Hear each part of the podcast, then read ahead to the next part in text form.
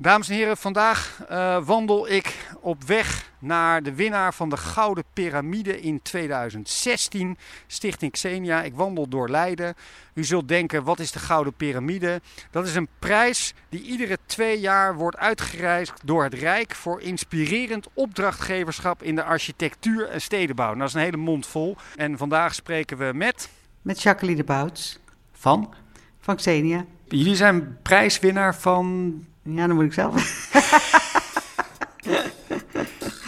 We hebben de Gouden Pyramide gewonnen in 2016. Gouden Pyramide is een prijs voor goed opdrachtgeverschap. En dat is een hele belangrijke prijs, omdat we vaak naar ontwerpen kijken als of het het product van een architect is. Maar de architect is maar de helft van het verhaal. De andere helft is de opdrachtgever. En goed opdrachtgeverschap is net zo essentieel als goed ontwerpen. Je hoort Floris van Alkemade, Rijksbouwmeester en... En voorzitter van de Gouden Pyramide. Waarom denk je eigenlijk dat je die prijs gewonnen hebt? Ik denk dat, dat ik uh, de prijs gewonnen heb vanwege het unieke concept. Dat wij zeg maar, in de binnenstad van Leiden, een, een, een plekje wat, wat eigenlijk helemaal uh, niet uh, gebruikt werd in de stad, dat wij dat benut hebben en dat we daar zo'n project zijn gestart. En als ik het aan de jury vraag. Xenia heeft gewonnen omdat dat in de ogen van de jury het beste voorbeeld was van wat opdrachtgeverschap nog veel meer kan betekenen dan alleen een goed gebouw. En ja, wat maakt dit project dan zo uniek? Dat het de allereerste in Nederland is. Het is een hospice voor jongeren. Dus het, het bestond nog niet eerder in Nederland. En uh, nou ja, wij vinden dat jonge mensen in de binnenstad horen. En het unieke van uh, Xenia is, is dat, dat er heel veel partijen mee hebben geholpen ook om dit te realiseren. Dus zowel de gemeente als de woningbouwcorporatie voor studenten en uh, het ziekenhuis. Dus vanuit alle kanten uh, is er hulp gekomen om dit, nou, dit huis te kunnen openen hier op deze plek. Het unieke van het project van Xenia was dat dit een opdrachtgever was die eigenlijk vanuit een totaal onmogelijke positie te weinig geld, echt geen goede locatie die zij konden veroorloven, het toch erin geslaagd is om een excellent project te realiseren. En dat vonden we ontzettend bijzonder, omdat ze daarmee veel verder gingen dan wat je normaal bij opdrachtgevers mag of kunt verwachten.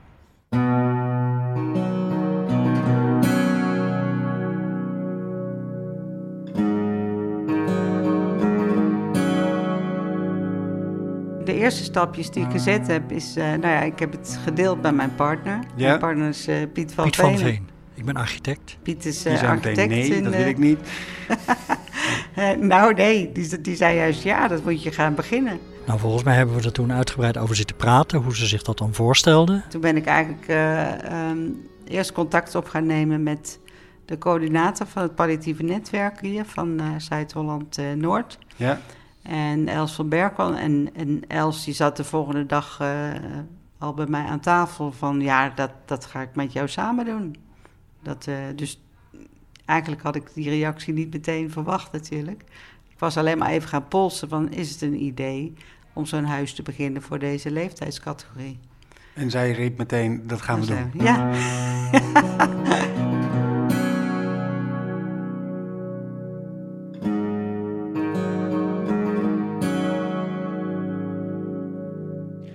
Oké, okay, en probeer dan eens uit te leggen, uh, gewoon wat, waar zijn we nou? Wat is Xenia? Wat gebeurt hier?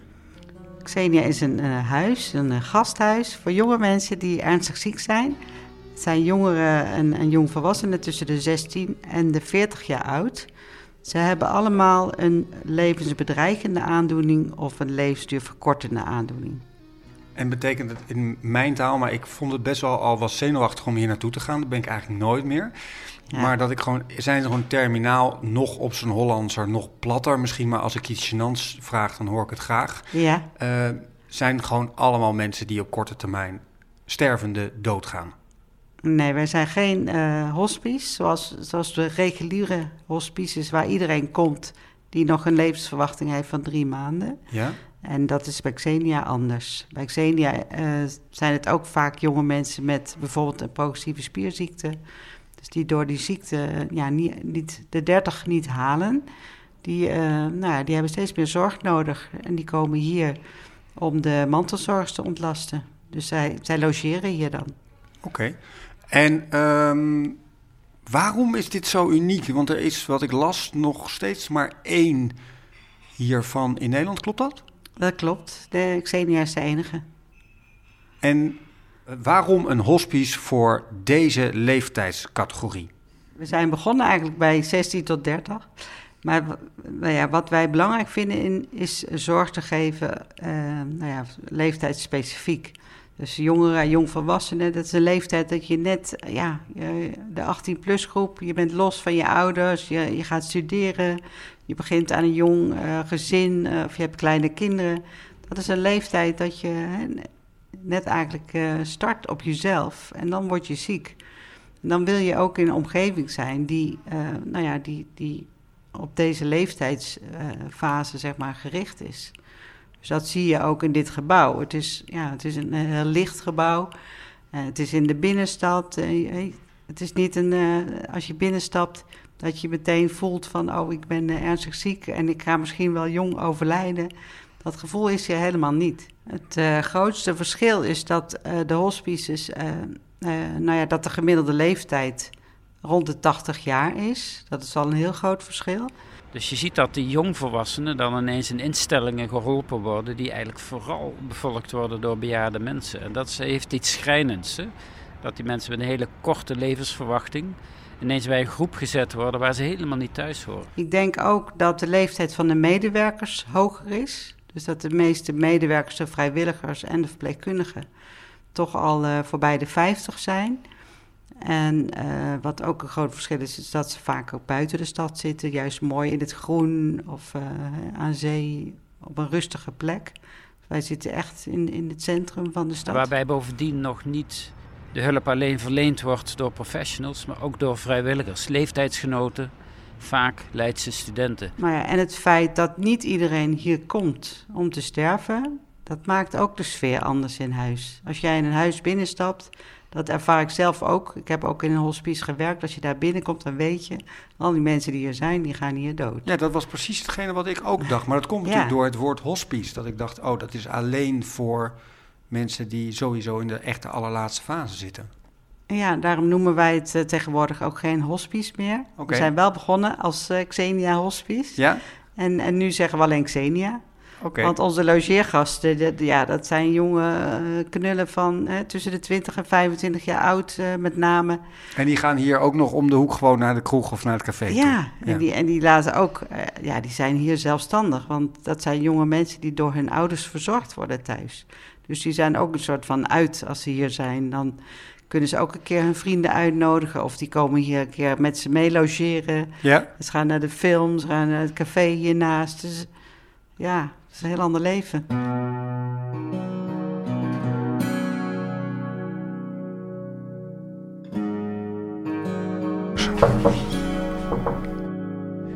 Martijn, ik, kom, ik wil graag je kamer laten zien en met je kennis maken met Geert, die een podcast opneemt. En ik laat hem nu uh, het huis zien. Dus nou, dit is uh, Martijn. Die Helemaal is, goed. Hallo Martijn, hoe vind je het hier? Uh, ja, het is fijn om hier uh, te verblijven. En ik zie boven je bed een uh, Ajax, een, een Ajax shirt hangen. Ben je nog steeds zieker van dat ze verloren hebben tegen Tottenham? Ja, stiekem nog wel een beetje, ja. Ja, ik ook enorm. Niet een beetje ook. wat vind je, wat vind je los van, wat vind je fijn aan deze kamer en aan, aan het huis? Nou, het fijne aan het huis is dat de combinatie is van vrijwilligers en zorgprofessionals. En uh, ja, dat maakt het heel erg... Uh, ja, um, huiselijk vind ik dat je iedere keer, elke dag een andere dag heel... En met andere mensen te maken hebt. Die andere dingen doen in het leven en waar je het er met elkaar over hebt. Dus het is heel... Ja, dat vind ik heel fijn in het huis, dat het zo, zo leeft en heel divers is. Wat vind jij van dat het huis die gouden piramide gewonnen heeft? Vind je het uh, terecht dat dit huis de gouden piramide de prijs voor eigenlijk vernieuwende manier van architectuur, stedenbouw uh, en vernieuwend opdrachtgeverschap uh, gewonnen heeft? Ja, ik vind het meer dan terecht. Dat is natuurlijk een, ja, een vraag die ik niet anders kan beantwoorden natuurlijk. Als je ziet hoe groot de andere genomineerden waren met hun project en hun bekendheid. En dat Xenia als enige, de enige was die het ja, een beetje als kleinere, een kleiner project, zeg maar, in vergelijking. Is het ook, ook een beetje, uh, ja, is het ook wel geweldig dat Xenia ja, daarmee gewonnen heeft.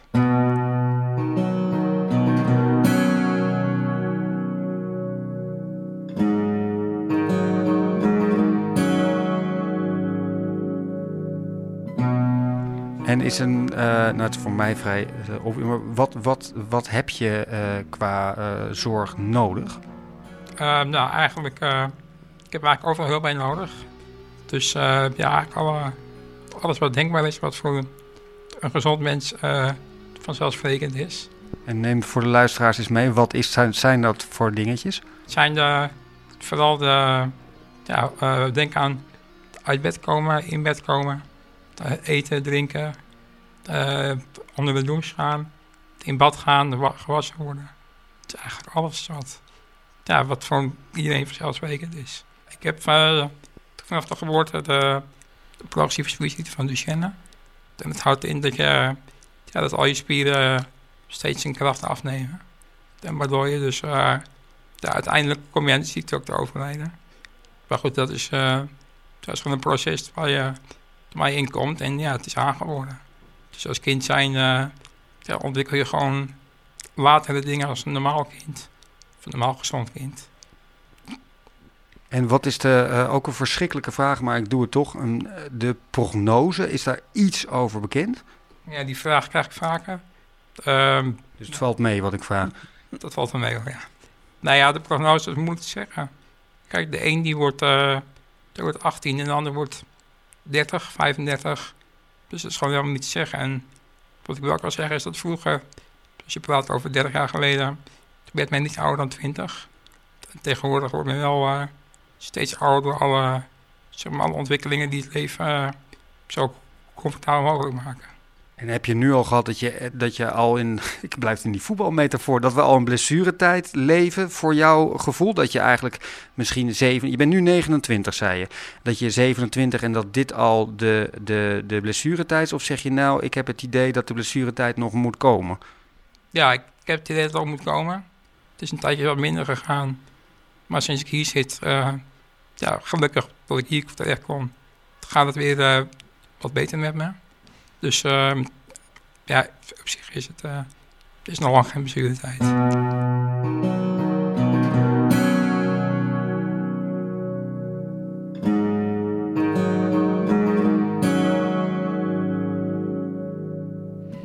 En uh, de vraag doet mij ook, waarom ben jij hier, wat drijft jou? Waarom ben jij hiermee gestart? Waarom zit ik nu tegenover jou?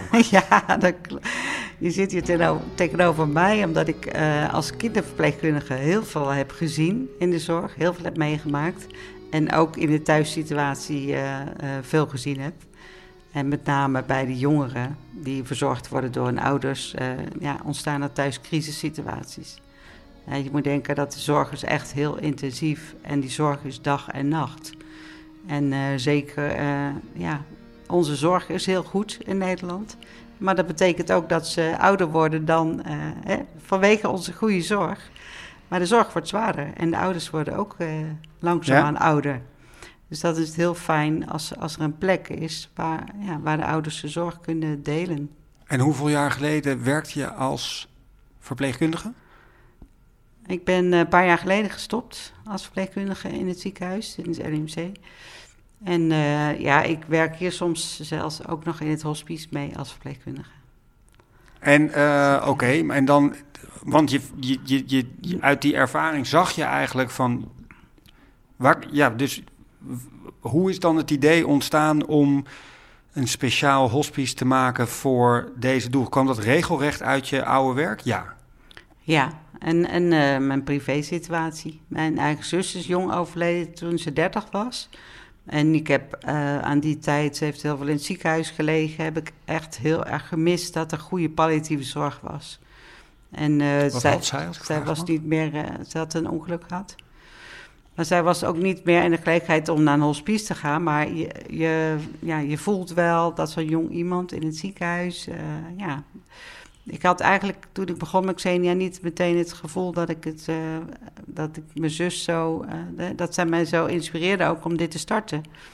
Terwijl ik dat nu wel, uh, nou ja, dat je dat later pas door hebt. Dat je denkt van ja, dat komt ook dat je, dat je zelf, ik heb het zelf meegemaakt, hoe het is om jong je zus te, te missen. En, en het is overleden in het ziekenhuis en de zorg was ja, was er niet echt voor ons, ook niet voor de broers en de zusjes. En ja, je valt overal tussenin.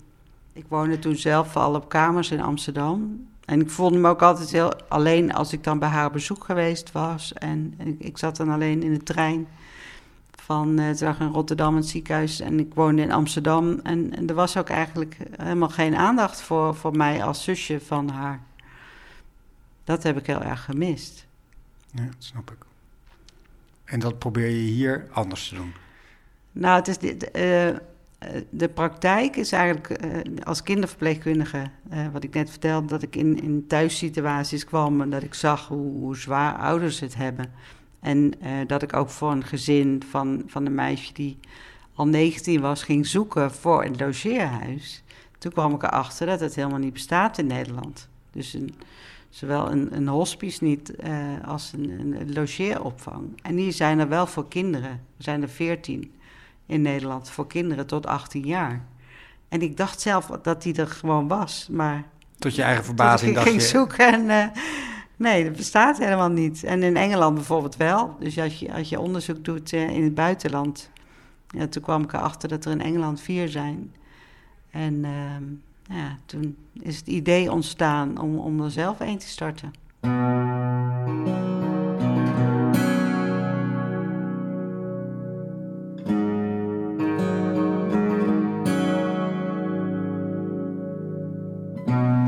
Ja, dan zijn we terug in de gang.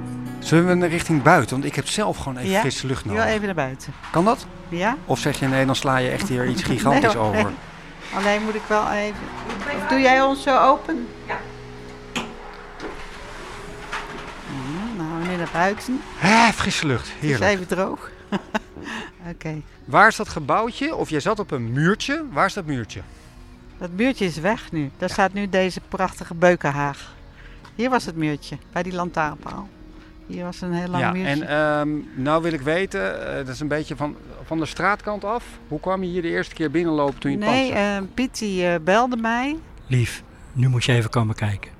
Ik heb nu een plek gevonden. Ik wist niet dat hij er was. Maar hij, hij is er. Hij was bij toeval was hij met de fiets hier langsgekomen. Ja, En hij is altijd aan het zoeken voor iedereen, voor locaties. Dus eh, ja, hij dacht toen zag je die boom en die grote plaats hier. En maar hij belde gewoon op en hij zei ik heb het. Want hij wist niet eens, er stond een te koopbordje of stond er iets op. Hoe wist hij dat het vrij Nee. was? Nou, er stond een oud gebouwtje en er stonden posters op van HOD dat het tijdelijk eh anti-kraak eh, bewoond was. Dus hij wist dat het dus niet, eh, ja, geen functie had, Ja. het gebouw. Het was een oud gebouwtje wat ooit bij het ziekenhuis hoorde. En toen? Ben je, zat je op de fiets? Kwam je hier ja, naartoe? en toen eh ben ik meteen op de fiets gesprongen en toen zat hier Piet te wachten op mij. En nou ja, ik zag die boom. Die boom, het was in het voorjaar. Dat die, nou ja, de blaadjes net aan het blozen zijn, dan zijn ze nog heel licht. En het was gewoon een zonnige dag, dus het was gewoon echt een prachtige plek. Dus ik zei meteen, ja, dit, dit, dit is, Dit is het. dit is het. Ja, ja. ja. Het was de boom, het was het zonlicht, het was de warmte, het was de ruimte. En daar stond een, een hutje, een gebouwtje, waarvan ik dacht, dit zou het maar zo kunnen worden. Maar helaas, toen gingen wij eh, eh, heel blij naar eh, de woningbouwcoöperatie. En die zeiden, ja, die, die locatie kennen wij. Want het ziekenhuis, het oude ziekenhuis hiernaast, dat is ook helemaal eh, door hun verbouwd. Daar wonen nu studenten, buitenlandse studenten. Dus zij kenden deze plek en die zeiden, ja, dat is vervuilde grond en dat is veel te duur en dat gaan we niet doen. Dat, eh, we gaan toch door zoeken naar een andere locatie. Dus eigenlijk werd het in eerste instantie van tafel geveegd, deze mooie plek. Ja? En toen hebben we nog op andere locaties gekeken en eh, nou ja, uiteindelijk gingen die ook niet door. Dus, wat gebeurde er? Toen kwamen ze toch met deze plek. Van, zullen we het dan hier beginnen? En toen eh, bij het eerste bouwplan, wat de verdieping hoger was, en we problemen met de buurt uh, kregen, toen zijn we naar het oude ziekenhuis uh, gaan kijken hiernaast. Aan de achterkant. Maar ja, daar zat vroeger het mortuarium. En het was aan de kant waar, waar, de, waar de zon heel weinig binnenkwam in het, in, in het gebouw. Dus ja, dat zou een miljoen meer kosten om het te verbouwen voor Xenia. Dus toen mochten we toch weer terug naar deze plek. En eigenlijk is dit ontwerp uh, heel snel gemaakt. In de korte tijd uh, hebben Piet en Erik dit ontworpen. Ja, het, het was vijf minuten werk. Uh, als we nou dit doen zo, dan doen we het zo. Daar knikt hij naar binnen, daar knikt hij naar buiten. Deze lijn horizontaal is de lijn van het dak. Jongens, we zijn klaar. Wat maakt het ontwerp nou uniek? Wat het ontwerp, nou, ik vind dat het ontwerp past gewoon op deze plek. En het past bij, bij, uh, de, bij de omgeving, bij de binnenstad. Het is niet, uh, het is niet te groot. Uh, het maakt ruimte voor de boom. Mooie oude beuk die mij doet denken aan mijn oude stedelijk gymnasium in Haarlem. Wat ook een soort van rust gaf. Ja. Er is hier een soort van totale rust. En het is... Het gebouw lijkt rekening te houden met de plek. Waar je ruimte geeft aan de boom naar binnen knikt als het ware, knik je ergens anders naar buiten om die vierkante meter terug te halen. Die horizontale rooilijn hebben we ook in het dak tevoorschijn laten komen. En toen was het een kwestie van de ruimtes uh, geven uh, in de ruimte die we hadden. Ja, voor mij is het gebouw vanaf dag één vertrouwd. Dat, dat is uh, vanaf het begin dat ik hier naar binnen stap, voelt het, voelt het goed. En dat merk ik ook aan onze gasten. Dus zelfs in het begin, toen het nog heel nieuw was, je, je, stapt toch binnen een nieuw gebouw, maar het werd niet zo ervaren. Het is een vrij ondiep gebouw en in alle kamers is heel verlicht. In de woonkamer boven, in de keuken, in, in de gastenkamers. En, en hebben ook dakramen boven. Dus waar je ook loopt in het gebouw, het voelt, het voelt licht.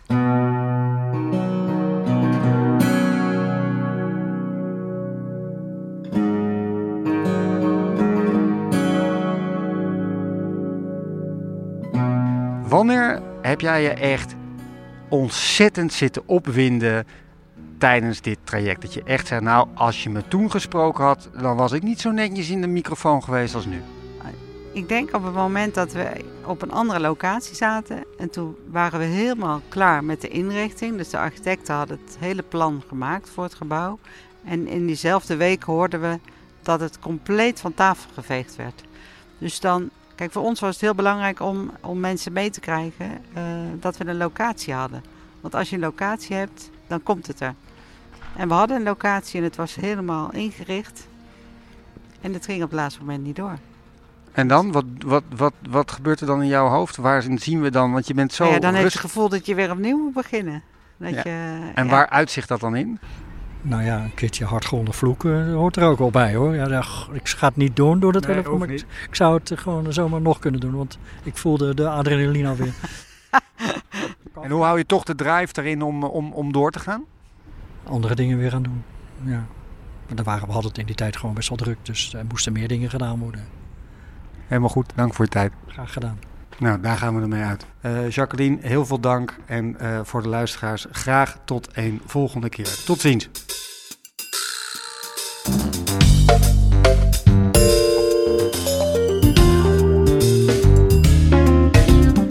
Dit was aflevering 1 van een podcastserie over de Gouden Piramide. Ik wil Jacqueline Bouts, bewoner Martijn, Floris van Alkemade, juryvoorzitter, Piet van Veen, architect en het team van Xenia hartelijk danken voor hun bijdrage. Wil je niks meer missen? Abonneer je dan op deze podcast. Als je wilt reageren op deze aflevering, kan dat via geert.geertloppenburg.nl en ik hoor graag wat u ervan vindt. Meer info uh, en meer podcast in deze serie zult u kunnen terugvinden op www.geertkloppenburg.nl en dan slash de Gouden Piramide. Dank voor het luisteren en graag tot een volgende keer.